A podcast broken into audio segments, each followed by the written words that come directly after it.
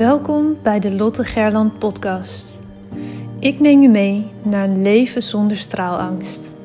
Sluit je ogen als dat kan en adem eenmaal diep in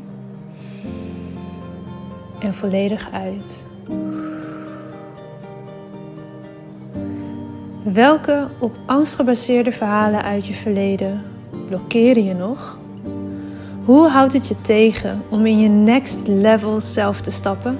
In je power en in het dienen van anderen als mens, als ondernemer, als werknemer, vader, moeder, partner?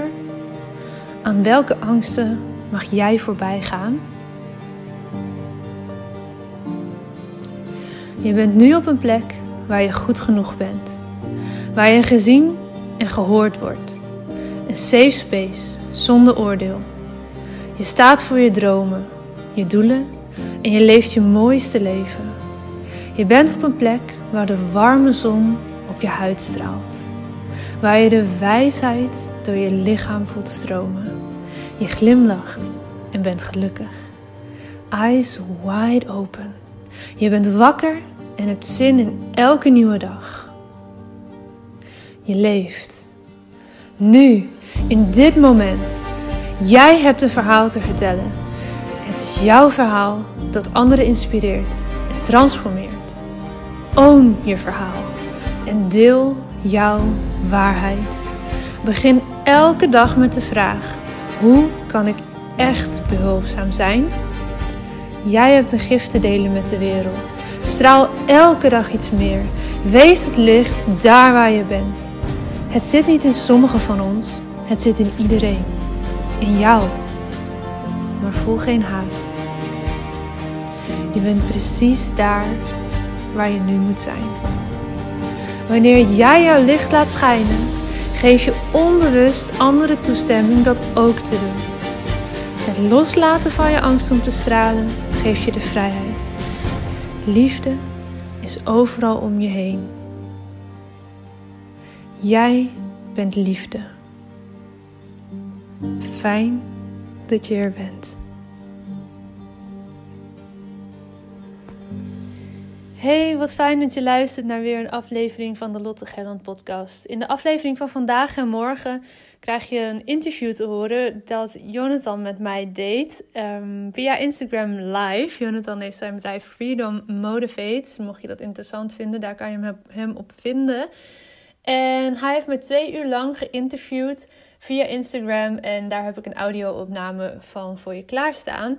Het was een lang interview, dus ik heb hem opgeknipt in twee afleveringen. In deze eerste aflevering gaan we het vooral hebben over het hervinden van je identiteit. Hij stelt me hele mooie vragen over waarom ik ben gaan doen wat ik nu doe.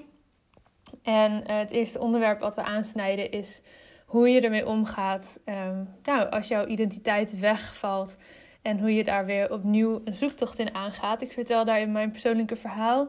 In de aflevering van morgen gaan we het onder andere hebben ook over zelfgenezend vermogen. Vind ik best wel een beetje spannend om, of vond ik best wel een beetje spannend om me daar voor het eerst over uit te spreken. Maar heel fijn om mijn ervaring daarin te kunnen delen en mijn proces daarin te kunnen delen. Ik denk dat ik niet eerder zo open ben geweest daarover. Um, dat ga ik morgen. Uh, ik heb hem ongeveer op de helft geknipt. Dus als je het hele verhaal wil horen, ga dan gewoon lekker de podcast van vandaag en dan later die van morgen erachteraan luisteren. Uh, er zit super veel in. We hebben super veel dingen aangestipt. Het was echt, ik vond het een prachtig gesprek. Een hele mooie vragen kreeg ik. Dus ik zou zeggen, in plaats van de 10 minuutjes, 15 minuutjes die je normaal krijgt, ga lekker luisteren. Ga achterover hangen. Pak een kop thee of koffie erbij. Um, kruip onder een dekentje uh, of ga waar je ook nu maar bent. Even een momentje van maken om hier lekker naar te luisteren. En al die verschillende lagen die in het gesprek zitten tot je te nemen. Um, ja, vandaag en morgen dus. Een gesprek samen met Jonathan. Het is een opname die we hebben gemaakt van een Instagram live. Dus je kan horen dat de kwaliteit van het geluid misschien niet super mega goed is. Maar ik denk dat de boodschap zoveel belangrijker is dan het geluid.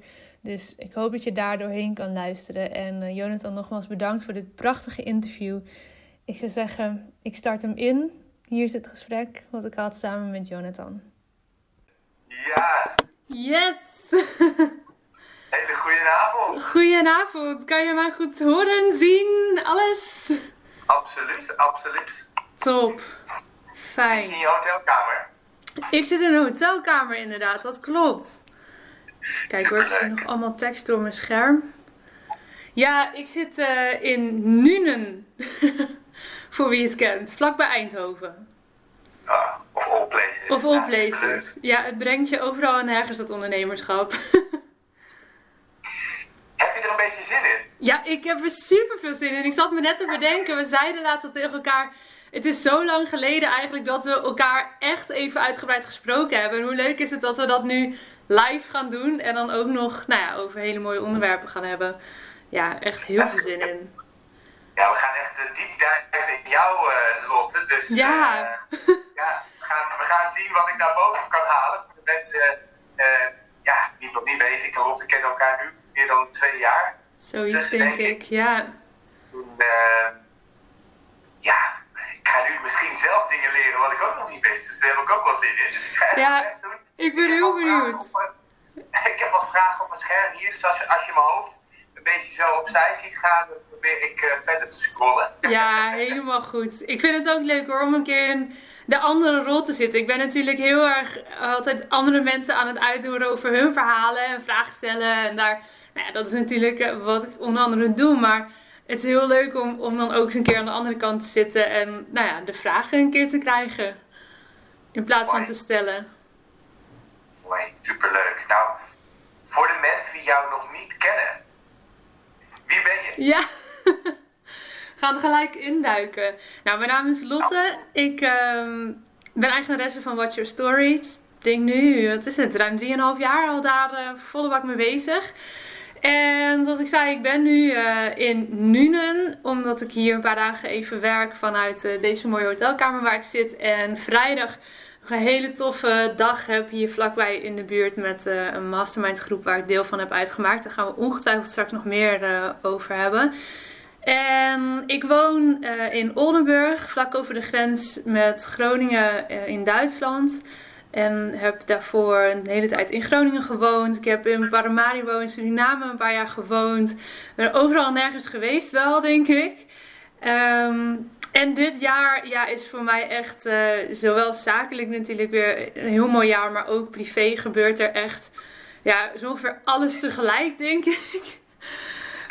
het is uh, ja, best wel bizar. We hebben nu drie weken geleden een nieuw huis gekregen. Wat echt nou, binnen 24 uur zo ongeveer op ons pad kwam. En we ja tegen hebben gezegd.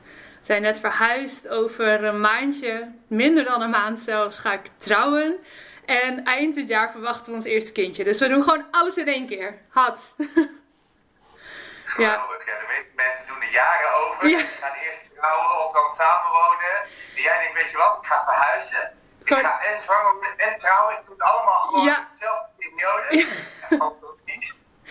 Ja, dat was natuurlijk, uh, ja, zoiets laat zich niet plannen van tevoren. Ja, een trouwerij laat zich plannen, maar uh, dat hebben we nu uh, ja, wat meer naar voren gehaald, omdat de kleine komt. En we willen later vooral nog een keer een groot feest geven, want stiekem was het ons eigenlijk daar om te doen.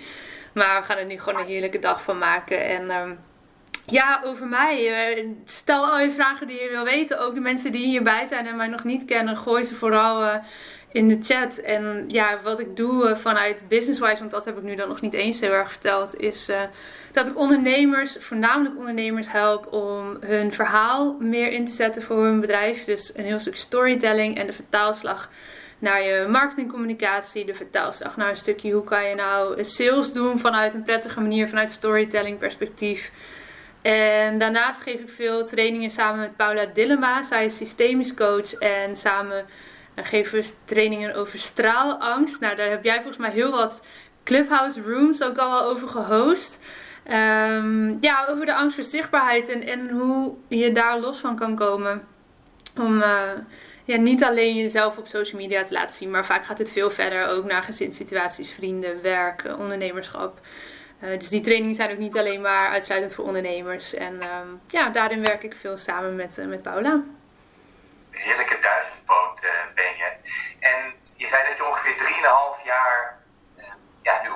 Bent. Ja. Hoe ben je gekomen bij wat je nu doet? Dus hoe ben je gekomen bij wat wat is maar de origin van uh, What's Your Story? Ja, dan gaan we een heel stuk terug in mijn verhaal.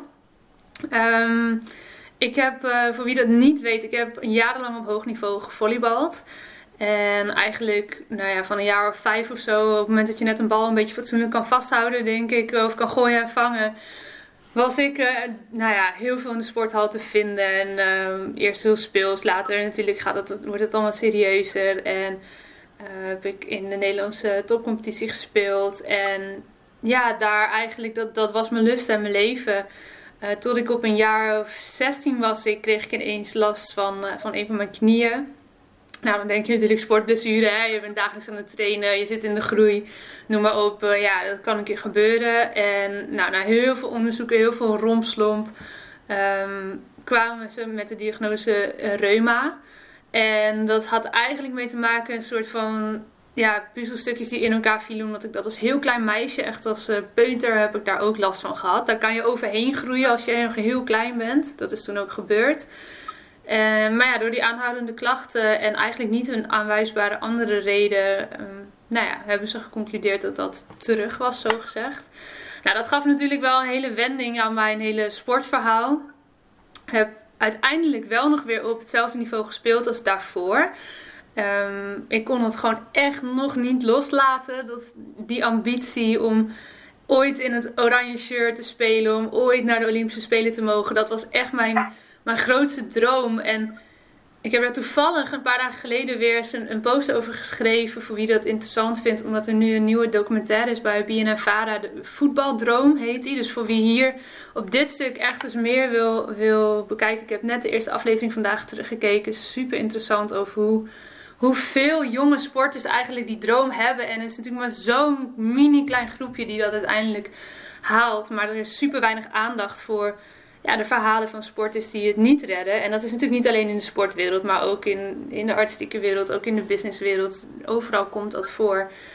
Um, en ja, uiteindelijk toen ik, nou ja, ik ben gestopt op een gegeven moment. Ik ben naar Suriname verhuisd, heel veel gebeurd. Maar waar ik achter kwam naarmate ik wat ouder werd, van hé, hey, mijn verhaal is best wel een voorbeeld voor andere jonge sporters. Van dat je heus nog wel weer wat van je leven kan maken als die droom wegvalt. Maar als jij 16, 17 bent en ineens valt dat weg, dan heb je nog zo'n ander perspectief van de wereld. En je hebt eigenlijk nog geen idee van wat er nog meer kan. En, en je gaat vol voor één ding, maar dat valt weg. Dus dan ga je ja, helemaal, moet je maar gaan uitzoeken wie je dan eigenlijk bent. Ik was niet meer Lotte de volleybalster. En hoe ik gekomen ben bij dit bedrijf en bij dit concept, um, wat zich uiteindelijk heeft doorontwikkeld natuurlijk, was dat ik die verhalen heel erg heb gemist toen. Verhalen van sporters die door eenzelfde soort proces zijn gegaan en die mij een beetje de weg konden wijzen daarin. En het was niet alleen mijn verhaal wat andere mensen kan helpen, maar sommige mensen zitten misschien meer te wachten op jouw verhaal of op het verhaal van een van de mensen die nu met ons meekijkt. Een heel ander verhaal waarschijnlijk. Maar net zo inspirerend, net zoveel steun zit daarin, of troost, of eh, die inspiratie die, die je kan geven door je verhaal ja, toch te gaan delen met de wereld. Nou, waar ik achter kwam is dat heel veel mensen, eigenlijk iedereen heeft een prachtig verhaal te vertellen. Maar de meeste mensen vertellen het helemaal niet. En zeker ondernemers die hun bedrijf zijn gestart vanuit een bepaalde persoonlijke ervaring, zouden dat verhaal zoveel meer kunnen uitdragen. En uh, ja, zo is, is Watch Your Story uiteindelijk ontstaan. En dat begon heel kneuterig met uh, het maken van, van foto's en video's waarin ik verhalen vastlegde. En, en het opschrijven van verhalen, dat doe ik nog steeds overigens. En uiteindelijk ja, ga je dan ontwikkelen en ontdekken van hé, hey, wat zit er allemaal meer in mij? En waar is vraag naar? Wat vind ik leuk? En zo is dat steeds uh, ja, verder doorgegroeid. En lichtelijk geëscaleerd wellicht wel op een positieve manier ondertussen. Ja. Fantastisch. En, en ook mooi hoe je je dan vanuit je eigen gemis dacht... hé, hey, hoe kan ik een waarde zijn voor andere mensen? Ja. En wat ik dat gemist heb. Maar ja, heel veel mensen die beginnen ook gewoon een blog... en ja. gaan niet zomaar een onderneming starten. Nee, ja, had ook gekund. Had goed gekund. Dus wat maakte dan dat jij toch het gevoel had, hier zit iets meer mee en ik moet me inschrijven, ik moet ondernemer worden. Mhm. Wat is dat stukje met dat verhaal en die link dat jij dacht, ik, ik moet hier nog meer mee doen en dan een bedrijf gaan starten? Ja, dat is best wel een leuke vraag, want ik denk dat dat ogenschijnlijk nog best wel los van elkaar stond. Want um, ik kwam in 2017 terug naar Nederland. Nadat ik dus in Suriname had gewoond en gewerkt. En daar had ik gewoon een loondienstbaan overigens. Uh, bij een groot uh, warenhuis werkte ik daar als uh, marketing, communicatie um, ja, manager van een kleine afdeling in dat warenhuis. En ik kwam terug en moest werk hebben. Want ik kwam terug met niks. Ik had daar echt nauwelijks gespaard, wel fijn geleefd. Maar wij, ja, ik kwam met een, nou ja, wat zal het zijn? Lege rekening min of meer terug. Ik had geen huis, ik had geen werk. Uh, ik mocht eventjes bij mijn ouders logeren, dat was heel fijn. Uh, zodat ik rustig op zoek kon gaan naar een nieuw huisje in, uh, in Groningen. Daar wilde ik wel heen. En ja, ik was op zoek naar een baan. En nooit bedacht van hé, hey, uh, je kan ook ondernemen is ook een baan. Ik kom in die zin niet echt uit een ondernemersfamilie. Hoewel er wel veel ondernemers in mijn familie zitten, kwam ik dus ook achter. Uh, ik wist alleen niet zo goed dat dat bestond, gek genoeg. En toen werd ik op een gegeven moment door iemand, en ik weet dus niet meer door wie. En ik zou wensen dat diegene nog een keer in de lucht komt en zegt: Ja, ik was dat. Uh, werd ik erop gewezen van hé, hey, er zijn hele mooie regelingen bij de gemeente waar je kan starten als ondernemer. En dan uh, vanuit de uitkering kan starten. Dus dan heb je niet, weet je, als je geen werk hebt, nou dan zou je zeggen, dan vraag je de bijstand aan. Hè? Je komt net terug uh, vanuit het buitenland en dan heb je in ieder geval iets. En dit is een uitkering waar je dus nou, eenzelfde soort bedrag krijgt. Maar in plaats van dat je sollicitatieplicht krijgt, moet je, uh, de, moet je de mensen meenemen in de ontwikkeling van je bedrijf. Nou, je krijgt daar allemaal trainingen bij. Echt fantastisch programma. Echt, iedereen zou moeten weten dat het bestaat, vind ik. Want er zijn maar zo weinig mensen die vanuit het niets kunnen starten met een onderneming. En vanuit het niets daar een winstgevend bedrijf van neer kunnen zetten. Of hè, jezelf daarvan kunnen onderhouden. Of je moet een enorme spaarpot hebben waar je gewoon een tijdje op kan teren. Maar ja, dat had ik niet. Um, en ik werd daarop geattendeerd. En dacht van, oh, dat klinkt eigenlijk wel leuk. Want alles wat ik zie in die vacatures, ja, dan vind ik het of saai of stom. Of, uh, of ik vind het fantastisch, maar ze zoeken iemand met 30 jaar ervaring. Nou, dat heb ik natuurlijk ook niet. Daar ging ik dan wel heel brutaal op solliciteren. Maar ja, moet je niet denken dat je daar, dan binnenkomt. Maar ja, dat, die ambitie zat er dus wel ergens. En um, ja, zo, zo ben ik dat eigenlijk gaan ontdekken. Van hé, hey, hoe kan ik dan iets gaan creëren? Een soort van droombaan voor mezelf gaan creëren. En, uh, en daarbij moest ik wel gelijk denken natuurlijk aan dat stuk uh, met de verhalen. En, en ik weet niet of ik dat zelf toen al storytelling noemde, maar ik heb in Suriname best wel wat mooie verhalen mogen horen. En ook uh, ben daar ook aangemoedigd door iemand, Ashna heet ze, van ja, maar ga dan gewoon eens iemand interviewen. Begin dan gewoon. Dat heb ik gedaan en dat interview dat is nog steeds een van mijn meest dierbare gesprekken die ik ooit met iemand heb gevoerd. En daar merkte ik wel van hé, hey, er zit zo'n interesse in de verhalen van andere mensen. En uh, die, die echte pure verbinding. Uh, ja, dat, dat hoop ik dat mensen dat overal in mijn bedrijf terugzien. En, en dat begon wel daar, zeg maar, die, die connectie begon wel toen ik daar wat training in ging volgen. En uh, ja, dan, dan op een gegeven moment ga je je inschrijven en zet je elke keer een stapje meer. Ga je ja, dat hele ondernemerschap ontdekken. En dat vind ik wel heel erg leuk, want je leert eigenlijk elke dag. Ja, absoluut. Mooi, leuk ook om, om zo te horen. Want ik wist dat stukje hè, met dat gemis van het verhaal, maar hoe je dan zo hierbij komt en dan ben je ondernemer, dan help je mensen. Hè, want jij helpt mensen eigenlijk hun verhaal te vinden. Ja. Hoe doe je dit? Hoe, hoe vind jij het verhaal van andere mensen? Ja. Nou ja, er zijn natuurlijk. Kijk, ik zal niet uh, nu mijn hele uh, palet aan trainingen op tafel gooien. Want dat is denk ik niet waarom we hier bij elkaar zijn. En dat kunnen mensen altijd zelf even opzoeken als ze dat willen. Um, maar ik denk dat in de basis het vooral echt het gesprek aangaan is.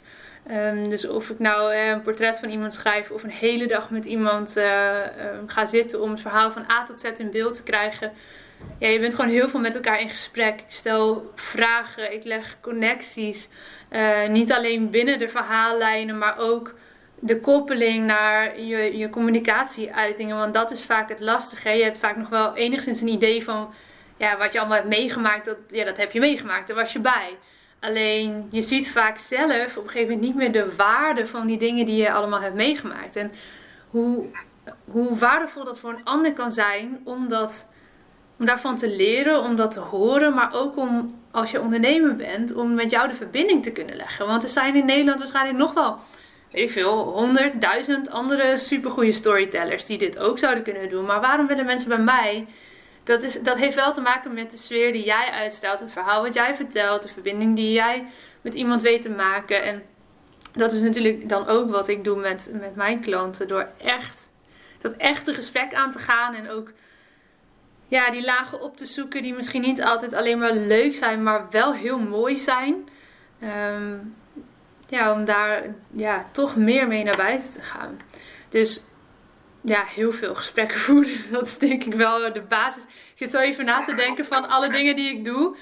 Ehm, maar ik ben heel veel in gesprek met mensen, ja. Heel veel oefenen, heel veel luisteren, actief ja. luisteren. Ja, zeker. En ook vragen durven stellen waarvan je misschien normaal gesproken denkt, oeh, kan ik dat wel vragen? Maar juist die vragen maken het zo mooi en maken dat je dingen naar boven haalt waarvan iemand dacht, ai, dat wilde ik misschien eigenlijk helemaal niet vertellen. Maar om dan te helpen dat iemand gaat inzien dat juist dat stukje misschien wel het meest waardevolle is om wel te gaan delen. En uit te gaan zoeken in wat voor vorm dat dan ook nog veilig genoeg voelt. Hè, om het dan toch wel te gaan doen. Ja, daar ligt echt de magie. Dat mensen toch ineens iets gaan delen met de wereld wat ze nog nooit eerder hebben gedeeld. En waarvan ze eigenlijk wel willen dat het een keer eruit gaat. En dan die respons ook terug kunnen krijgen van mensen van wow, wat fijn dat je dit deelt. Of dat heel veel mensen herkenning daarin hebben. Ja, dat is, dat is gewoon zo mooi. Prachtig. Mooi, mooi om te horen. Mooi hoe waardevol een goed gesprek kan zijn. En hoe waardevol het is om echt te luisteren. En iemand echt de tijd en de ruimte te geven om iemands verhaal te doen. Ja, maar daar gaat het uiteindelijk wel om. Hè? Dat stuk gezien en gehoord worden, dat willen we allemaal als mens.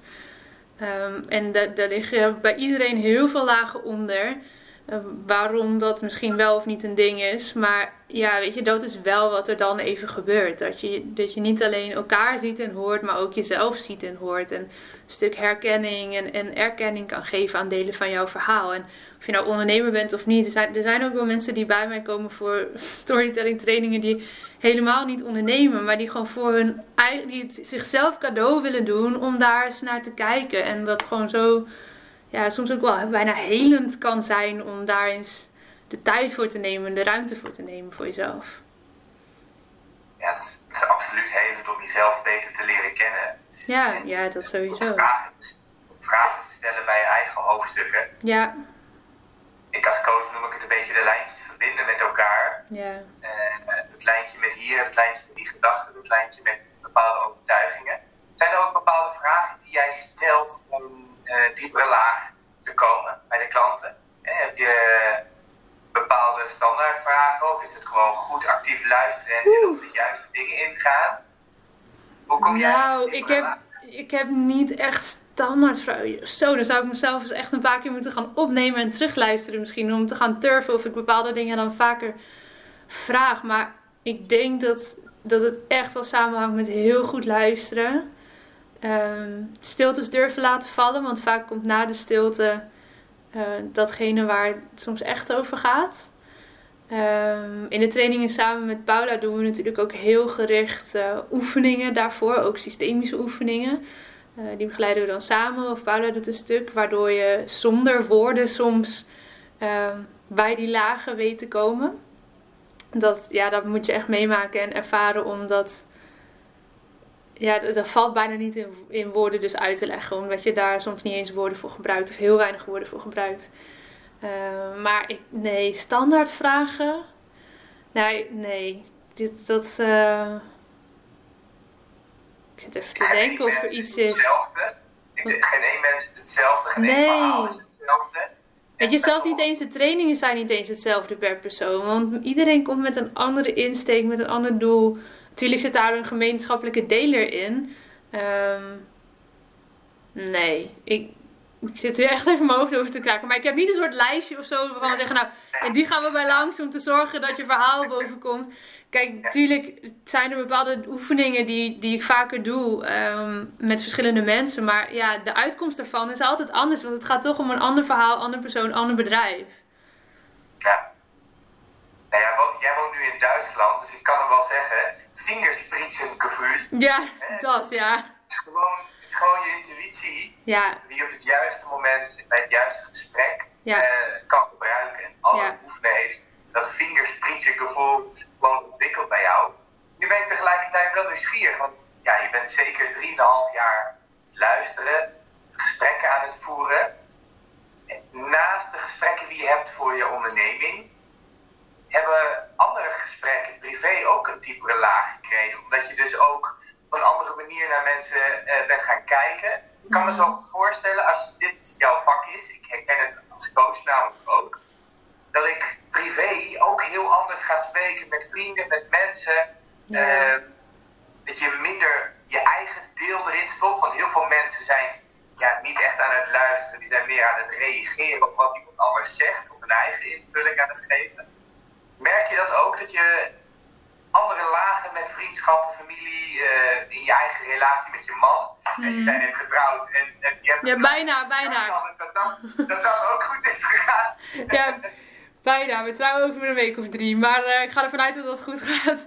Nee, um, nou ja en nee, moet ik eigenlijk zeggen op deze vraag. Uh, ja, zeker omdat je gewoon. Omdat ik anders naar, ja, anders naar mensen ben gaan kijken. Dat klinkt een beetje dramatischer dan dat het is. Maar um, ja, je bent wel een beetje een vakgekkie daarin geworden misschien. Dat je toch hè, als, als, als een vriendin ineens met iets komt, dat je. Um, ik moet dan soms ook gewoon even in de rol, heel duidelijk in de rol stappen van niet helemaal willen gaan uitrafelen wat er nou echt aan de hand is. Maar gewoon even er zijn en een arm om iemand heen slaan. En uh, een fles wijn en een bak ijs kopen. En gewoon een film gaan kijken en janken met z'n tweeën. Weet je, bij dat. Want dat is ook waar vriendschappen voor zijn. En, je vrienden zitten heus niet altijd alleen maar te wachten op dat jij uh, die coachrol aanneemt. En ik denk ook niet dat dat gezond is als je dat continu doet. Want je bent niet uh, de coach van die persoon.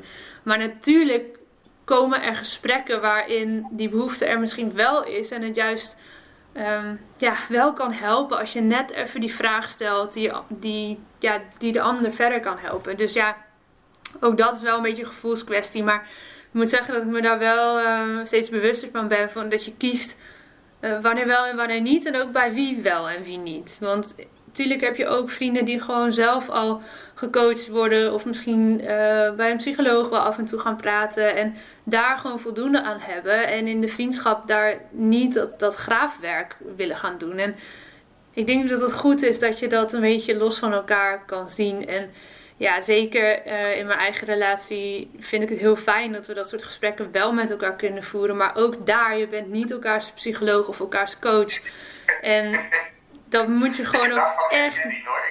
Ja, ik snap, dat, dat moet je gewoon niet willen. Kijk, weet je, ik, ik zeg ook wel eens, oh, zou, je, zou je dat boek niet leuk vinden om te lezen of zo? En, en soms vindt hij dat dan heel leuk en gaat hij inderdaad iets lezen, maar ook heel vaak niet. En dat moet dan ook wel echt oké zijn. Want ik ga ook niet, eh, mijn vriend is arts, ja, ik ga zijn uh, boeken over geneeskunde ook niet lezen. Ik snap er helemaal geen hol van. Uh, nou, ik kan er super enthousiast over zijn. Maar ja, weet je, dus je moet elkaar misschien ook een beetje later daarin en, en die ruimte geven. Maar ik merk wel dat uh, onze relatie daar natuurlijk wel ook in is meegegroeid. En um, nou, we hadden toevallig, we zijn net vier dagen geweest te zeilen met vrienden. En uh, onze vrienden die, zeiden, die vroegen dat nog aan hem. Van, hey, merk je ook bij jezelf dat dat een beetje is veranderd? En toen zei hij ook van, ja, ik ben wel meer daar naar gaan kijken. En meer bezig gegaan met dat stuk persoonlijke ontwikkeling... waar ik eerder gewoon niet mee in aanraking kwam. En op een positieve manier dus. Hè? Maar ja, daar wel je eigen keuzes in kunnen maken. Ja, dat is zo belangrijk. Dus je moet hem niet gaan opleggen van hé, hey, uh, uh, we gaan nu uh, ja, hier, hiermee bezig. Want weet je, dat, ja, je bent, ik ben niet zijn coach en andersom ook niet. Je bent partners. Maar ja, om je vraag te beantwoorden, hè, of, of je merkt dat dat verandert. Ja, en ik denk trouwens dat dat sowieso wel zo is. Want je wordt allemaal elke keer weer een stukje ouder. Je wordt weer meer ervaren in het leven. En die, die relaties veranderen. En ik merk ook verschil daarin in, vriendschappen. Met sommige mensen ga je wel vaker de diepte in. En met anderen um, ja, ben je, is het gewoon gezellig en klets je bij en, en is dat goed. Ja. Nou, je zegt zoveel mooie dingen waar ik op aan kan, kan haken. Sowieso, ik lach net enorm ook van herkenning. Ja. Mijn vriendin is, mijn vriendin is ook psycholoog. Ja, precies. Jullie hebben het echt dubbel op. dubbel besmet. En mijn vriendin die volgt nu de opleiding uh, CGT, cognitieve gedragstherapie. Mm -hmm. uh, die zit helemaal er ook in, in dat proces. Het is leuk. en heel af en toe moet je dan ook gewoon, we zijn gelijkwaardig, dat je coach bent af en wees gewoon partner. Maar het klinkt ook, klinkt ook alsof je heel bewust bent. Ik denk dat dat heel, heel belangrijk ja. is voor alle dus ook, Ja, dat begon denk ik al. Ik, ik heb één jaar pedagogiek gestudeerd net na de HAVO. En daar was ik helemaal nog niet klaar voor. Ik was echt 17 of zo. En uh, daar hadden we ook allemaal van dat soort vakken over gespreksvoering en vragen stellen en dingen. En toen merkte ik al dat ik gewoon een, een, periode op een gegeven moment, dan, ja, dan zwakt het ook weer af, maar een periode gewoon niet normaal een gesprek met iemand kon voeren. Omdat je continu bezig bent met hoe je leert om professioneel een gesprek te voeren. Ja, echt scheidirritant vond ik dat zelf. Maar ik kon ook toen niet goed dat loskoppelen van elkaar. Nou, dat gaat nu gelukkig wel wat beter.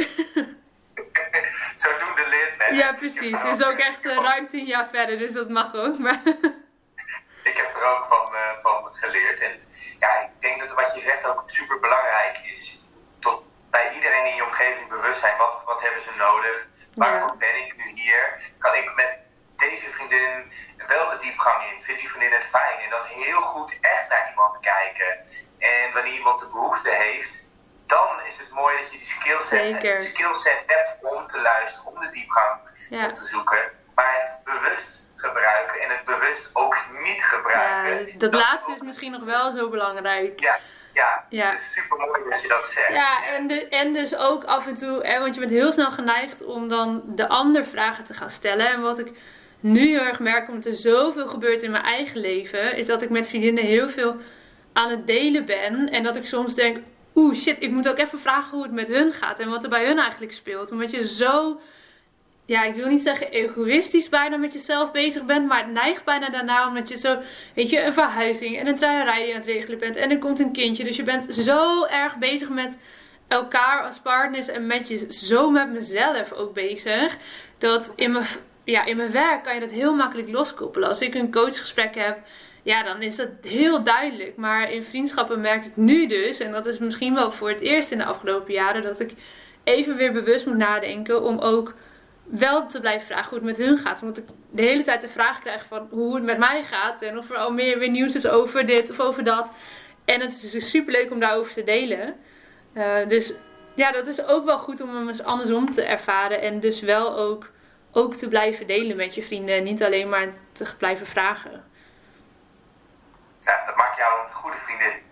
Ik hoop het. maakt jou een goede vriendin dat je daarvan bewust bent en dat je denkt, oh wacht eens even. Ja. Beide kanten. En kijk, het is één onderwerp waar je het vandaag sowieso over wilde hebben. Uh, en ik vind het een super mooi onderwerp, want ik denk dat, dat het heel belangrijk is, ook voor de luisteraars. Je identiteit opnieuw vinden. Ja. En op wat manier je dat doet. Ja, ik, ik denk echt dat dit super waardevol is. Dus je wilde heel graag over dit onderwerp praten, dus uh, brand los. Op wat voor manier vind je je identiteit opnieuw? God, nou als ik daar eens in één zin een antwoord op kon geven, dan uh, zou mijn business sky high gaan, denk ik straks. We hebben, we hebben nog anderhalf uur. Uh, we hebben nog anderhalf uur, dus uh, don't worry. Nee, ja, weet je, dit is, um, dit is iets waar ik, in, waar ik in mijn coaching af en toe aan... Um, Weet je, er zitten raakvlakken in met de mensen waarmee ik nou ja, werk. Maar wat niet per se datgene is wat ik als coach aanbied. Dit is iets wat ik zelf heb door, ja, doorleefd en heb meegemaakt. En waarom ik dus denk dat het vanavond heel waardevol is om daar iets over te delen. Uh, en niet per se in de zin van, goh, uh, je hebt ooit een, een burn-out gehad en nu ben ik burn-out coach. Nee, gewoon puur vanuit mijn eigen ervaring om daar eens wat meer over te vertellen. Want dat heb ik nog niet zo heel vaak gedaan. Ik stip het vaak aan, maar ja, wanneer krijg je twee uur de tijd om over dit soort dingen te vertellen? Dat is ook best wel uniek. Uh, dus daarom dat ik dit onderwerp heb gekozen. Juist omdat het best wel een uitgebreid persoonlijk verhaal is. En uh, ja, dat heeft alles te maken eigenlijk met waar we het gesprek mee begonnen. Dat ik op hoog niveau heb gevolleybald in mijn tienerjaren voornamelijk, begin twintig jaren. En um, toen dat wegviel, het best wel een soort identiteitscrisis was. Zie ik nu, hè? dat had ik toen niet door. Maar dat kan ik nu zien. Dat je. Ik was, ik was altijd Lotte de volleybalster. Zo zag ik mezelf, maar zo zag de buitenwereld mij ook. Dat was wie ik was. Het volleybalmeisje. Uh, dat was ook wie ik wilde zijn. Dat, dat, en dat is stiekem misschien ook wel ergens als ik heel diep van binnen uh, heel eerlijk daarnaar kijk wie ik nog, wat ik nog steeds voel kriebelen. En er zit nog steeds dat verlangen. En dat hoeft ook niet weg. Het is nu oké dat dat ergens nog zo diep van binnen zit. Maar wat doe je in godsnaam als je tiener bent en ineens valt je identiteit weg? Datgene waar je je aan ja, ja, letterlijk mee identificeert. Wat jouw leven is, waar je zoveel uren op een dag instopt. Uh, waar alles omheen gebouwd wordt. School, uh, gezin, althans gezin van herkomst dan. En alles draaide daarom, voor mij. In ieder geval in mijn belevingswereld was dat zo. Um, dus wat ik zie heel veel, is dat er veel meer mensen zijn die daarmee struggelen dan dat we eigenlijk doorhebben. En ik kan het vooral vanuit het sportperspectief goed vertellen, maar ik denk dat het voor heel veel mensen geldt. Uh, als je je gezondheid verliest of tijdelijk verliest, als je um, misschien muzikant bent en een droom valt in duigen, of je doet een auditie en je wordt niet gekozen, uh, je solliciteert naar je droombaan, maar je krijgt hem niet. Of, er zijn zoveel momenten. Um, dit zijn dan misschien de dingen die je daarna zou willen doen. Maar zoveel momenten waarop je een oud stuk loslaat. Terwijl je dat of misschien niet wilde, of wel wilde. Maar dat gewoon fucking ingewikkeld is. Hoe je daar dan los van komt. En wie je dan bent. Wie is gewoon Lotte? Punt. Ja, dat is, ik vond dat echt een hele ingewikkelde vraag. Toen Lotte de volleybalster een soort van niet meer was. En ja, dat, dat is wel de reden waarvan ik zei: van, hey, laten we dat vanavond aanstippen. Want ik denk dat uh, zonder dat we het doorhebben, veel meer mensen daar wel op x momenten in hun leven mee struggelen. En hoe oud was je dat je de eerste keer die vraag aan jezelf stelde? Dus je bent gestopt met, met mm -hmm. volleyballen. Hoe oud was? Nou, ik kreeg die uh, diagnose van uh, de reuma, waar we straks volgens mij nog uitgebreid over gaan hebben, hoe dat zich verder heeft uh, ontwikkeld. Maar toen was ik net 17. Uh, toen wilde ik echt nog van geen opgeven weten. Ben, dat was in de winter, ik weet niet welk jaar, maar net 17. En nou, dat was gewoon een hele donkere winter als ik daar nu op terugkijk. Uh, ik was net verhuisd, was net op mezelf gaan wonen, 17 jaar en uh, in een andere stad, een nieuwe club. En vervolgens kom je gewoon niet aan de bak omdat je geblesseerd bent een heel seizoen lang. En, maar ik wilde echt absoluut niet dat het daar ging stoppen. Dat was echt nog niet, uh, dat, dat was geen optie in mijn hoofd om op dat moment die identiteit los te laten. En ik ben toen heel hard gaan trainen bij een fysio een zomer lang. Nou, het gaat dan met drie stappen vooruit, één achteruit enzovoorts.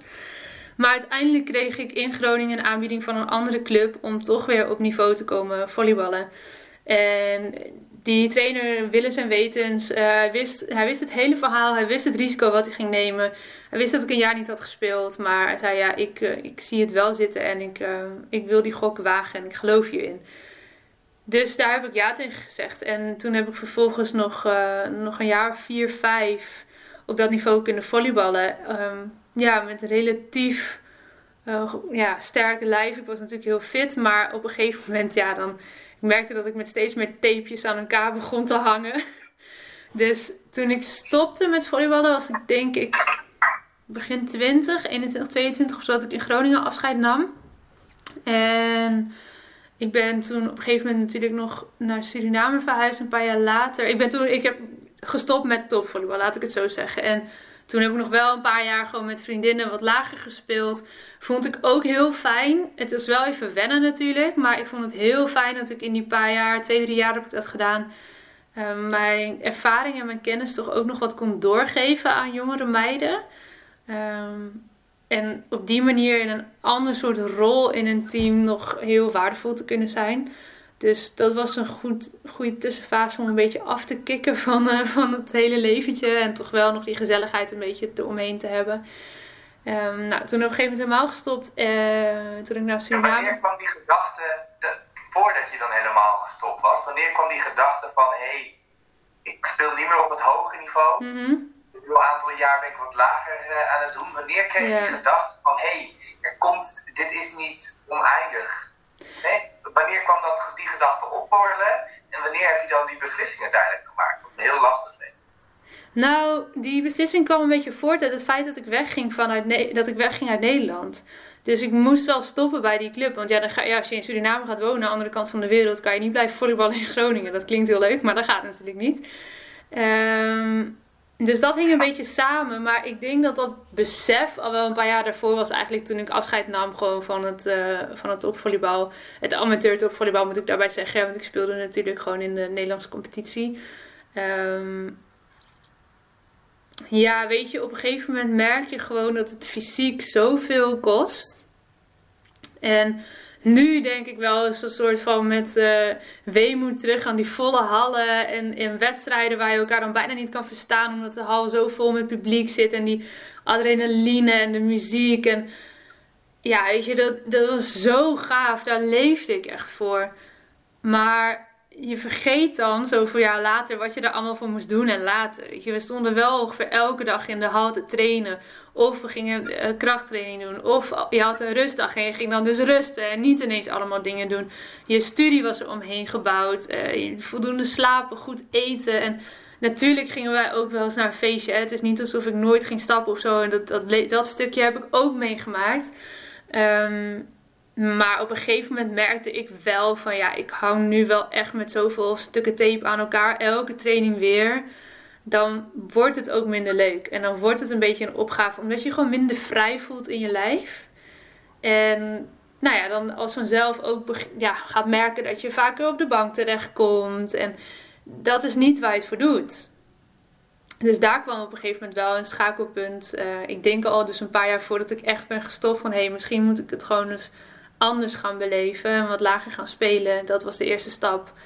En um, ja, vervolgens in Suriname heb ik zelfs ook nog wel weer de bal opgepakt. Daar heb ik ook nog bij een hele leuke club wat wedstrijden gespeeld. En nog wel gebeachvolleybald in de gloeiende hitte. Wat natuurlijk helemaal niet ging met die super witte huid van mij. Ik ben echt heel wit. En in de volle zon. Ja, maar wel weer heel mooi. Um, en eigenlijk pas daarna, denk ik, toen ik weg, weer terugkwam naar Nederland. Dus dat is nu, uh, wat zal het zijn? Vier en een half jaar geleden of zo, vier jaar geleden. Toen heb ik de bal niet meer opgepakt toen ik terugkwam. Dus... En was dat een, een, een bewust besluit terwijl je daar in Suriname was? Van, of is het meer geleidelijk gegaan dat je het hebt geaccepteerd? Was het niet een moment dat je denkt, bij nu is het klaar en ik ga een andere fase in? Eh, of was dat niet zo duidelijk, die beslissing voor jou? zo voelde het niet voor mij in ieder geval. Ik denk dat het echt wel heel geleidelijk zo is gegaan. En eigenlijk vlak voordat de hele corona-ellende losbarstte, heb ik in Oldenburg uh, net weer een team benaderd om te mogen komen spelen. Gewoon echt op super laag niveau. Ik heb natuurlijk heel lang niks gedaan en geen idee nou ja, hoe, hoe dat fysiek dan in één keer gaat. Maar um, ten eerste om de taal beter te gaan leren. Ten tweede om mensen te leren kennen. En en om gewoon lekker te sporten. Want dat is sowieso heel goed. En dit was voor mij het meest laagdrempelige. Want het is een sport die je ken. En daar heb ik weinig taal voor nodig in die zin. Maar uh, ja, toen ging de hele boel op slot. En dat feest ging niet door. Nou ja, nu ben ik zwanger. Dus nu moet ik sowieso straks even wachten voordat ik die bal überhaupt kan gaan oppakken. Maar... Weet je, ik heb niet het idee dat, dat, het, dat ik nooit meer op het veld ga staan. En zeker niet, en daar komen we straks wel over te spreken, Um, omdat het nu fysiek gewoon veel beter gaat. En ja, weet je, ik zat net nog even een potje te kijken van het Nederlands team. En ik dacht, het is toch ook gewoon een mooi spelletje. Weet je, dat kan daar echt wel van genieten. Um, maar ja, dus het is bij mij best wel geleidelijk gegaan. Maar ja, als je het hebt over je identiteit opnieuw vinden, waar we dit stuk van het gesprek eigenlijk mee begonnen, dan. Ja, ik keek dus vandaag even die documentaire, de eerste aflevering terug van Voetbaldroom. En bij mij is het dan best wel geleidelijk gegaan. Maar ja, soms is het ook gewoon een moment van niet geselecteerd worden. Een moment uh, van een ernstige blessure krijgen. Um, een moment van ouders die zeggen: Ik kan het niet meer betalen. Of we kunnen het niet meer opbrengen om je elke keer te kunnen brengen. Uh, er zijn zoveel redenen waarom het ineens abrupt kan stoppen. En nee, dat gevoel kende ik natuurlijk van het moment hè, als 16, 17-jarige. Maar daarna heb ik het geluk gehad nog wel nou, een tijd van de sport te kunnen genieten. Maar dat is wel echt ingewikkeld hoor. Ik denk als je zo jong bent. Ja, en dan? Die vraag. Ja, daar, daar word je zo weinig in begeleid, helaas. Dus ja. En op wat voor manier heb je dan jezelf begeleid? Met hè, langzamerhand afstand nemen van mhm. volleybal langzamerhand uh, inzien van oké, dit is volleybal, dit is Lotte. Maar wie is Lotte? En, en welke vragen uh, kwamen in jou op? En hoe ben je dan langzamerhand dat gaan uitpluizen? Want je had er geen bij, dus hoe heb jij dat nou, dat heeft dus heel lang geduurd. Eigenlijk tot het moment dat ik daar wel hulp bij heb gevraagd, denk ik. ja, ja, als ik er zo over nadenk. Want ik, kreeg, ik, ik ben wel wat hulp gaan zoeken, ook, ook toen al als tiener. En ook wel op aanraden van mijn ouders, die zoiets hadden van... Nou, dit uh, gaat misschien niet helemaal goed. Laten we even kijken of iemand hier iets mee kan. En ik had ten eerste het geluk dat ik gewoon heel goed vangnet heb eh, bij mijn ouders. Hè. Dat is ook niet iedereen gegeven. Dus, en fijne vrienden om me heen. Dus alleen dat al is super waardevol. Ehm, ik stond denk ik op dat moment nog niet echt open voor hulp. Ik was zo boos, verdrietig, gefrustreerd. Uh, ik wilde helemaal nog niet stoppen. Dus ja, weet je, om dan dat soort gesprekken te gaan voeren met iemand was eigenlijk niet eens een optie. En... Uh, ja, wanneer kwam dat? Nou ja, weet je, ik, ik heb mijn studie op een gegeven moment meer eh, opgepakt, afgemaakt. Uh, ben naar Suriname gegaan. Dat was een bewuste keuze, een heel mooi avontuur. Maar misschien ook wel een klein beetje een vlucht weg van de situatie hier. Hoewel ik het nooit zo heb beleefd. Ik heb er wel echt een hele fijne tijd gehad. Dus het was niet zoiets van, god, nou, ik doe maar iets om weg te gaan. Zo voelt het niet. Um, ik denk vooral de periode daarna en de mensen die ook nu in het ondernemerschap op mijn pad zijn gekomen, dat dat enorm heeft geholpen om uh, eigenlijk wat er tien jaar eerder gebeurd is, een plekje te gaan geven. Omdat ik juist in die wereld van het ondernemerschap terecht kwam en in een wereld van veel persoonlijke ontwikkeling terecht kwam, uh, heeft dat enorm geholpen om stapje voor stapje, ja, dat, dat die toch een soort van nog half open wond of zo. Om die nu echt goed te gaan verzorgen. En er zijn verschillende dingen die daarin hebben bijgedragen. Ik heb uh, twee, drie keer uh, eh, EMDR-sessies gedaan. Waarvan ik niet wist dat je dat ook voor dit soort uh, trauma's tussen haakjes kan inzetten. Dat vond ik echt een eye-opener. Dus daarom wil ik dat ook zeker noemen. Ik dacht dat dat echt voor de meest heftige dingen alleen maar was. Waarvan ik dacht, ja, maar zo heftig is dit toch niet? Wat moet ik dan? Hè, dat kan ik toch niet maken? Omdat dat is bijna dat gevoel. Uh, dan ben ik het nu zo aan het dramatiseren. Maar dat was heel mooi. Super confronterend vond ik dat. Het was echt één grote janksessie. Maar wel heel helend en goed om lading gewoon af te gaan pellen. Eh, dat was denk ik een van de eerste dingen. Ja, ik sprong wel gelijk in het diepe wat dat betreft. Een van de eerste dingen die ik ben gaan doen. Um, nou ja, de Paula met wie ik nu veel samenwerk, zij doet familieopstellingen. En um, daar, daar heb ik ook volop gebruik van mogen maken van de gesprekken en, en haar expertise. Om dat stuk eens onder de loep te nemen. Ook super confronterend en intens. Maar wel ook weer puzzelstukjes. Op een gegeven moment een soort van connecting the dots. De gesprekken die ik met mijn ouders heb gevoerd hierover. De boeken die ik heb gelezen. De mensen die ik heb leren kennen. Uh, de processen die ik nu mag begeleiden bij anderen zijn ook voor mij weer heel mooi. Want ook ik haal daar elke keer wel weer iets uit voor mezelf. Waarvan ik denk, oh, dat zou ik. Dat neem, dat neem ik weer mee in mijn leven. Zou ik sowieso kunnen doen. Dus ja, zo laagje voor laagje merk je dat je gewoon dichter bij de kern komt. En ik denk uiteindelijk uh, de beslissing eind vorig jaar, dat moet ergens augustus, september of zo zijn geweest, om uh, in te stappen bij de mastermind van Kim Munnekom, een vrij bekende business coach in Nederland. Um, dat heeft misschien wel het laatste setje gegeven naar het heden, naar nu. En daar, daar is een heel proces aan vooraf gegaan. En dat zal ook door blijven gaan nu nog na die tijd. Weet dat is niet iets wat dan begint en dan eindigt. Maar ik denk dat dat wel dus echt van de laatste paar jaar is geweest. Dat dat, uh, ja, dat kleine volleybalmeisje in mij echt een liefdevolle plek heeft kunnen krijgen. En dat ik eigenlijk tot aan die tijd nog steeds wel een beetje aan het vechten was tegen het feit dat dat dus niet gelukt is. En nog steeds, hè, als iemand echt op die zere plek gaat drukken, dan kan ik daar nog steeds verdrietig van worden. Maar wel anders. Nu. Ja. En dan heb je hier volleybal en dan heb je een hele liefde voor. En ja. omdat je nog niet liefde ervoor hebt, is daar toch een soort van gevoeligheid, denk ik. Ja. Maar als ik dan jou hoor, heb je wel ontzettend hard gewerkt om je eigen identiteit te vormen. En dat niet alleen, je eigen identiteit wel zo te creëren en het leven te creëren waar je nog verder mag groeien. Ja. Uh, en dat je dus weer met die groei een andere type identiteit creëert. En ja. ik vind het wel heel mooi om te horen. Wat je zegt is iets waar, waar toch heel veel mensen wel tegenaan lopen. Eh, ik heb heel toevallig sta ik aanstaande dinsdag sta ik in het Delamar Theater. Ja, super vet. Uh, bij een heel vet, vette show, Social Impact Tour.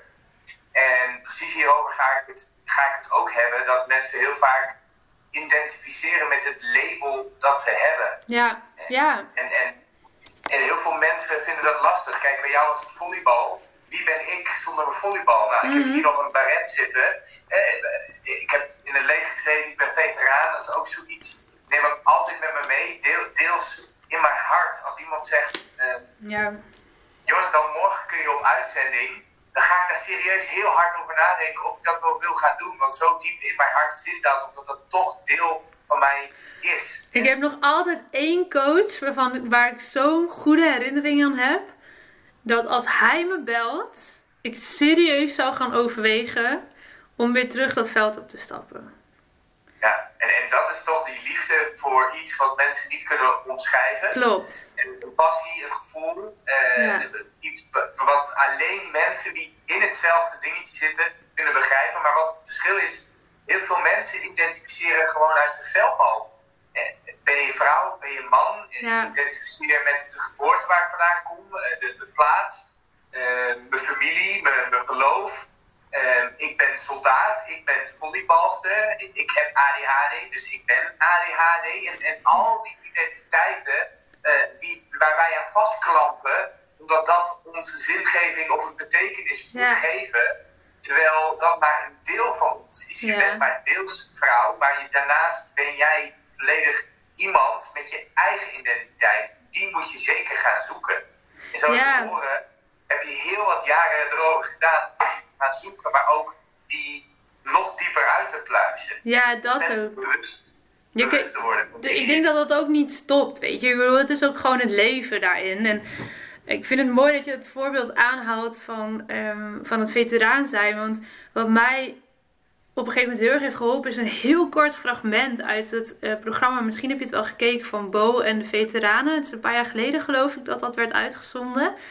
En, ik weet het niet zeker meer, maar Nee, nou ja, ik vond het fascinerend op heel veel verschillende levels, dat programma. Maar daar was op een gegeven moment een, een soort oefening die die veteranen kregen. En uh, daarin werd gezegd van, uh, dat, dan moesten hardop gaan uitspreken. Ik ben, ik ben en dan je naam. Uh, ik ben geen veteraan, het is slechts een rol die ik vervul. En die is zo fucking pijnlijk als je. Die, die konden ze ook bijna niet over hun lippen krijgen, omdat het zo hun identiteit geworden is. Um, en nou ja, ik gebruik hem nog steeds wel eens in, in coaching. Ben je verdwenen trouwens? Ja, Jonathan is weg. ja, ik, ga je zo, ik kan hem je zo nog een keer wijzen in welke aflevering dat was. Maar er was ook een hele opbouw hè, naar, naar zo'n soort oefening toe. Dat, dat mag voor zichzelf spreken. Maar dat is echt wow, ja, ik, ik ben niet uh, volleybalster, dat is slechts een rol die ik vervul. Nou, die, dat wil je niet per se hoor, als je daar nog middenin zit. Daar wil je dan eigenlijk niet aan. En toch helpt het. En uh, dat is misschien ook wel een mooi bruggetje naar heel het verhaal hoe het verder is gegaan. Hè, na die diagnose die ik heb gekregen van reuma. Dat het ziek zijn en de persoon zijn die reuma heeft dat is een rol die ik heb vervuld heel lang. Nu kan ik zeggen, ik vervul hem nu niet meer. Maar daar, nou ja, weet je, dat, dat heeft echt wel een tijd geduurd om tot dat punt te komen. En uh, vaak haal je namelijk zoveel uit die rol dat je hem ook helemaal niet los wil laten. Uh, ook al is de tijd wel daar om dat wel te gaan doen. En dat volleybalmeisje in mij, dat mag wel gekoesterd worden. Het hoeft niet weg, liever niet zelfs, want dan ga je het onderdrukken en dat is nooit goed, denk ik.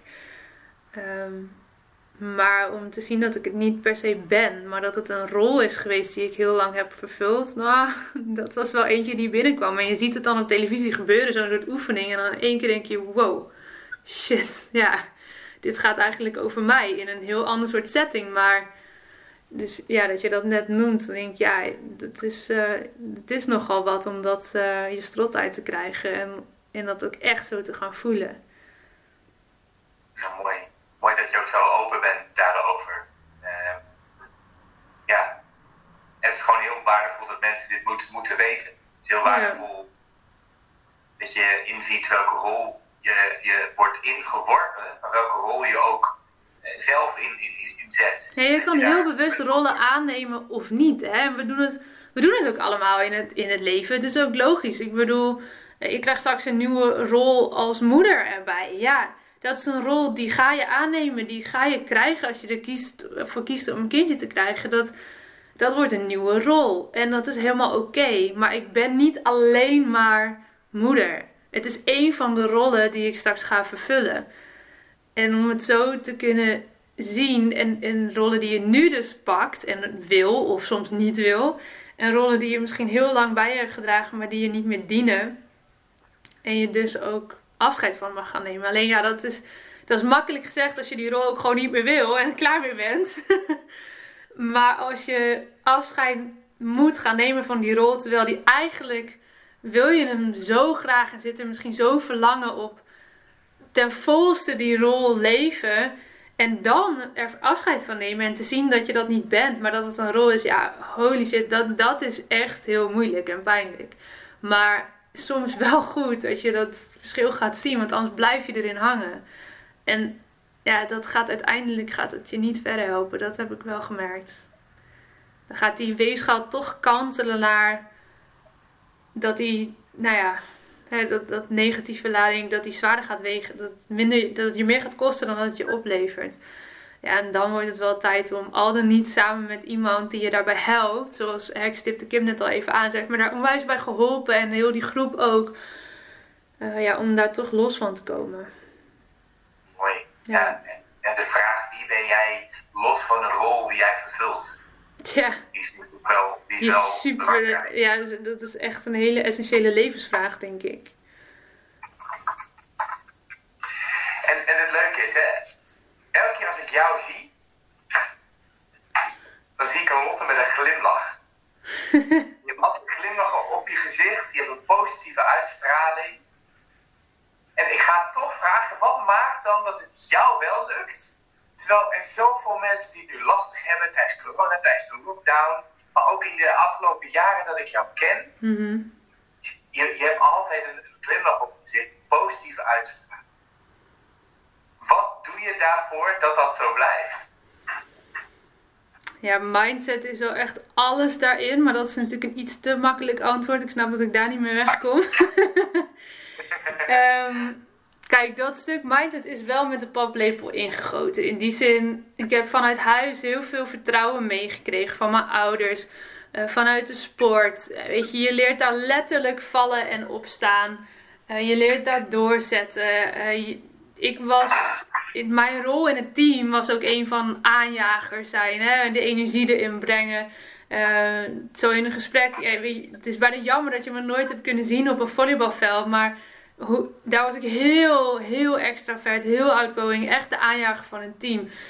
Um, dus daar heb ik heel veel geleerd als het gaat om positief zijn. Natuurlijk ook de afgelopen jaren. De heel die persoonlijke ontwikkeling heeft daar absoluut ook in bijgedragen. Um, het is niet één specifiek ding, denk ik. Het is niet dat ik elke dag een uur op mijn meditatiekussen zit of zo. zeg nou, doe dat en uh, dan uh, ben je altijd blij. Was het maar zo simpel. Um, maar het zijn wel al die stukjes bij elkaar. Uh, ja, weet je, ook toen de corona net kwam, je stipte net aan. Je kan zeggen, ja shit, mijn bedrijf is nog niet op het punt waarop ik dat kan leiden. En nu gaat het allemaal mis. En oh help. Terwijl bij mij echt een soort van over mijn lijk mentaliteit loskwam. En ja, maar dit gaat me niet gebeuren. Dat die paar jaar die ik daar nu heb ingestopt, voor, voor niets zijn geweest. En dat ik nu dan uh, maar een of andere saaie baan ga aannemen. Of, dus ik ben echt altijd op zoek gegaan naar mogelijkheden. Wat kan er wel? Waar kan ik creatief zijn om toch inkomstenstromen op gang te helpen, ook in deze gekke tijd. Ehm, en laat je ook echt coachen daarin. Als ik één ding echt heb geleerd de afgelopen jaren, is dat investeren financieel, maar ook in tijd, in moeite, in aandacht, in jezelf. En in, in coaches om je heen die jou verder helpen op het moment dat je het nodig hebt. Op dat stukje wat je nodig hebt. Dat zo waardevol is. En om dan ook dus daar niet te zuinig in te zijn, is mijn ervaring nu. Ik ben echt way uit mijn comfortzone gegaan. Qua wat ik heb geïnvesteerd in mezelf daarin. Echt bedragen waarvan ik, nou, dat ik een jaar eerder gewoon niet eens kunnen denken dat ik daar ooit ja tegen zou zeggen.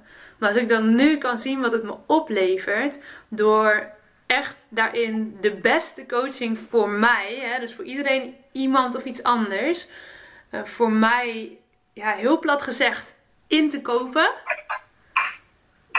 Dat is echt wat mij helpt om, om inderdaad blij te zijn. En, en ja, ook die glimlach omarmen. Dat als, als, het is heel leuk eigenlijk wel dat je hem noemt. Het is dat ik nu uh, twee weken uit een rugzak leef. Hè, omdat ik van uh, hot naar her ga deze twee weken. Maar wat ik echt wel een tijd heb gedaan, ook in, in mijn studietijd. Als je dan presentaties moest geven waar je zenuwachtig voor was of zo.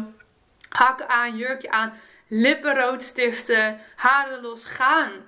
En terwijl ik me vroeger heel erg schaamde voor mijn lach. Omdat ik mijn tandvlees een beetje bloot lag is dat nu echt een soort van selling point bijna geworden. Dat mensen zeggen, ja maar, oh jij bent die vrouw met die leuke lach, met die vrolijke lach of met die lach überhaupt. Ja. En dat blijft mensen bij. En die foto die je mij stuurde voor deze Instagram live te promoten. Ja.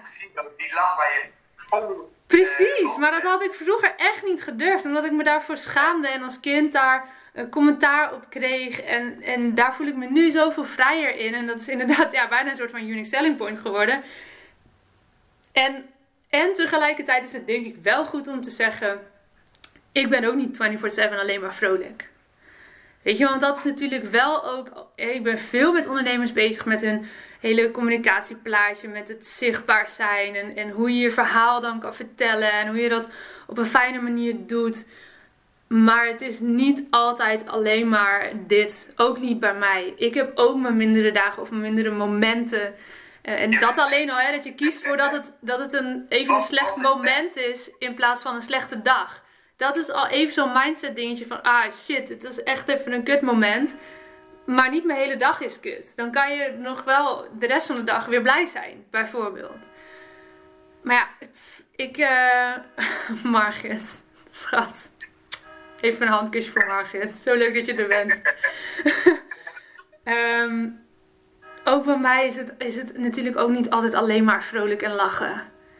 Ik heb ook mijn mindere momenten of mijn dagen waar ik me moe voel. En nou ja, echt oprecht. Wat er tijdens je zwangerschap gebeurt, dat is nog echt. Daar kan ik nog gewoon wel hilarische verhalen over vertellen. Maar wat toen ik voor het eerst gewoon dacht: hoezo ben je hier verdrietig om ineens?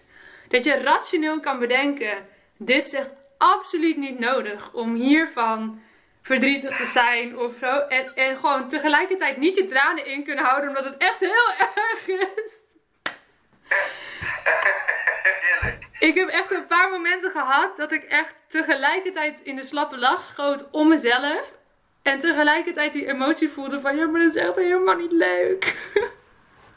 Dus hè, even een nuance. Bij mij is het ook niet altijd alleen maar lachen. En uh, ja, ik ben ook mens. Dus ik heb ook af en toe mijn mindere momenten.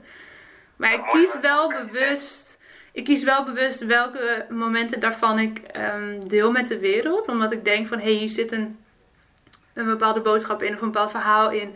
Uh, dit, dit wil ik ook delen. En ook gewoon momenten. Dat doe ik trouwens ook met mooie momenten hoor. Maar die gewoon van mij zijn. Of van mijn familie of van mijn vrienden, die, die hoeft niet altijd alles te delen. Sommige dingen mogen ook gewoon van jou zijn. En dat is ook wel eens de vraag die ik van mensen krijg die niet zo in het wereldje zitten. Van ja, maar deel je dan alles maar online? Nou ja, ik deel best heel veel, maar niet alles. En dat hoeft ook helemaal niet om succesvol zichtbaar te zijn of om een succesvolle ondernemer te zijn. Hoef je echt niet alles te delen. Dat is ook maar een soort van idee dat dat dan moet? Ja, die keuze is voor iedereen uh, iets wat ze zelf moeten maken. Zeker. Mm -hmm. Maar je hebt zoveel mooie dingen en een daarvan is je, investeren in jezelf is het beste wat je kan doen. Ja. Uh, op het moment dat jij een boek, een coach of wat dan ook in jezelf investeert, dat pakt niemand meer van jou af. Nee, klopt. En, en, en, dat, vind ik, dat vind ik zo waardevol. En, en, en wat je dan ook zegt is, ja, ik, ik heb jarenlang in mezelf geïnvesteerd en nu zelfs bedragen waarvan ik een jaar geleden zou zeggen. Ben je gek geworden? En, en, en, eigenlijk vind ik het mooi, want investeren in jezelf vind ik een prachtige vorm van zelfliefde. Ja. Die, en, en als het vijf minuten in de ochtend is, waarbij je zegt: Ik gun dit mezelf een rustmomentje. Of het nou naar de sportschool is, of grote bedragen neerlegt, omdat je zegt: Ik ben het waard, prachtige vorm van de zelfliefde. Van ik hou zo van mezelf.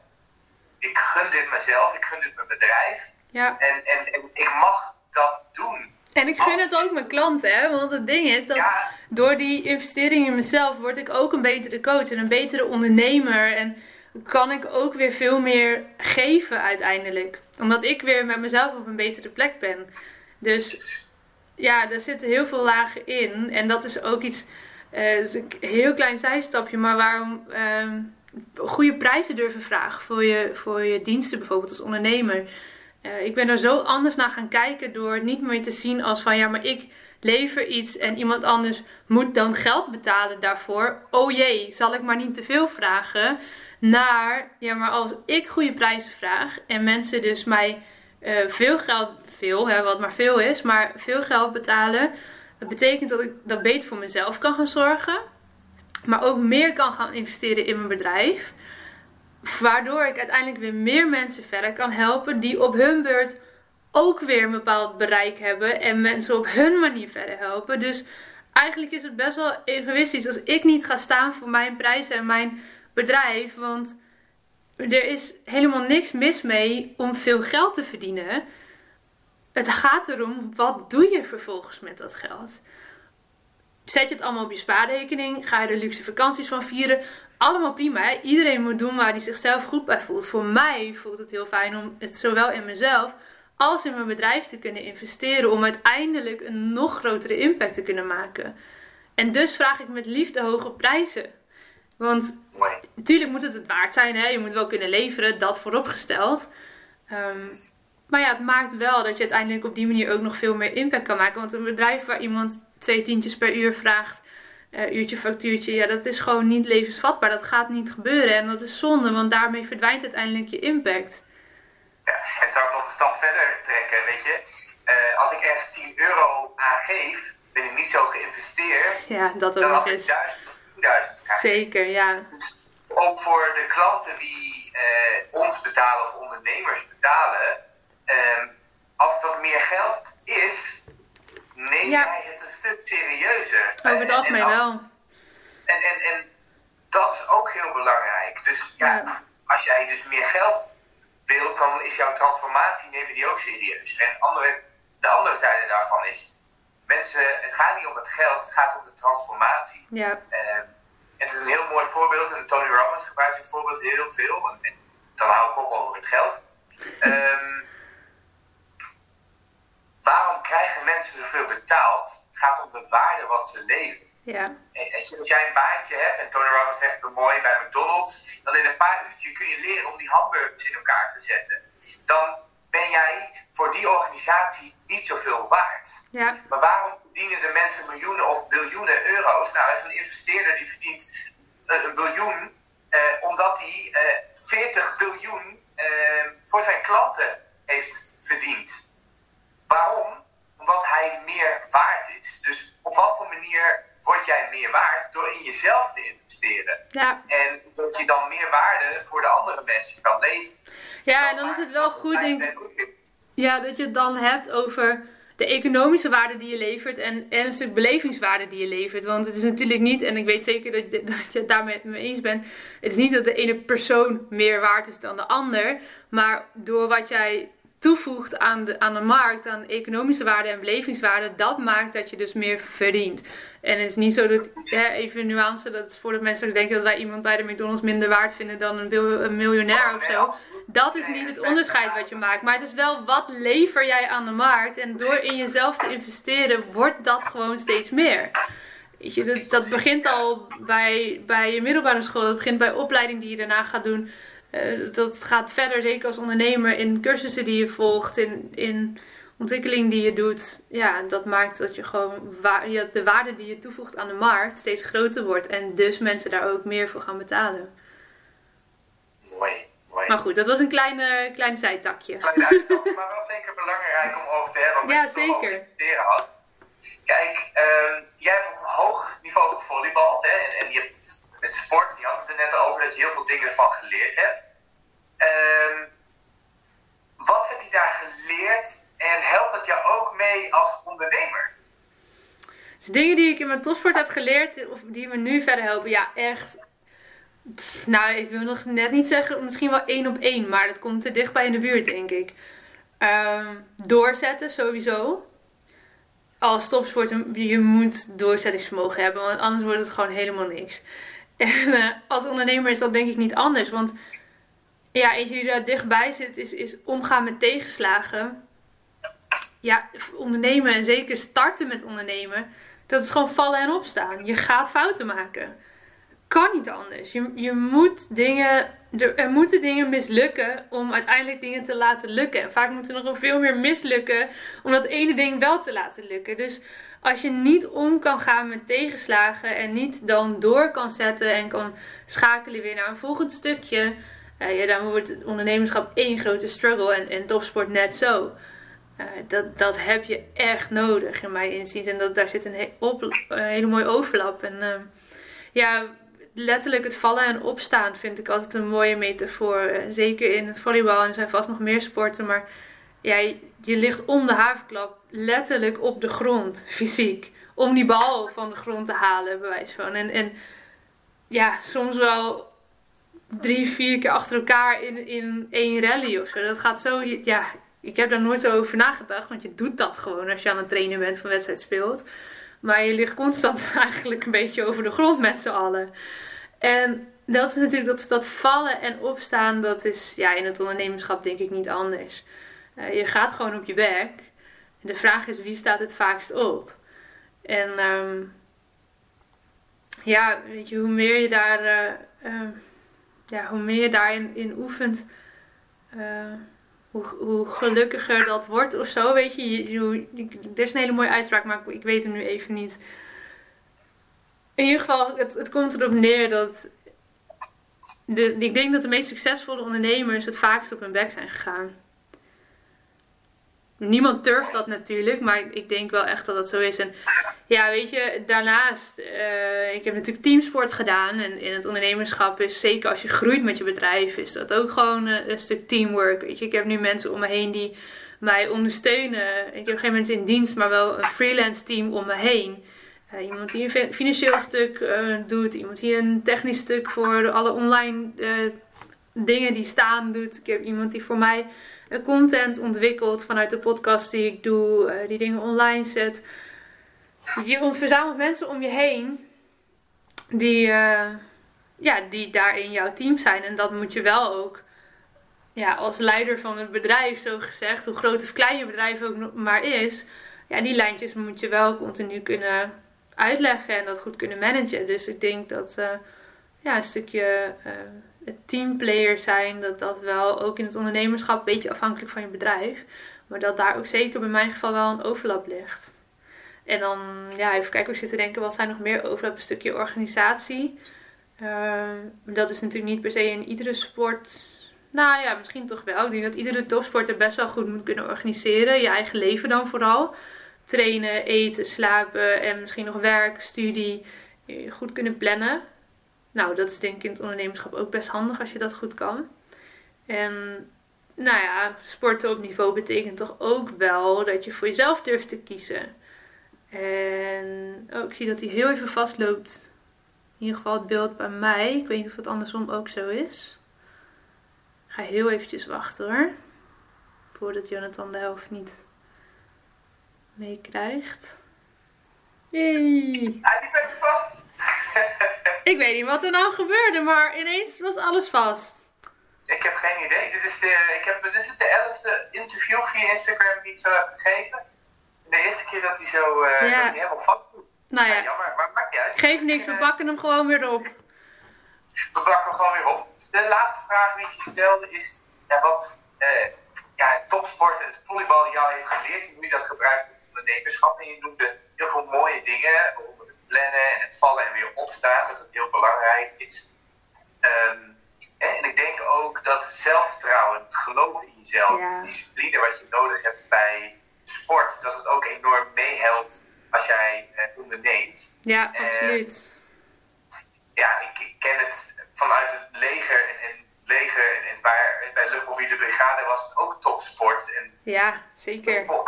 Wat je vanuit de sport qua zelfvertrouwen, mindset, discipline mee kan nemen in het ondernemerschap. En, en het mooie wat je ook zegt, hè ondernemen is vallen en weer opstaan. En de mensen aan de top zijn ook vaak de mensen die ontzettend vaak nee hebben doorgekregen. Die zijn, eh, die, ja. die zijn gevallen en gewoon hebben gezegd. Hup, en ja. die gaat weer door. Ja. bij volleybal, je staat weer op en weer door. En, en er is altijd wel weer een andere bal te spelen.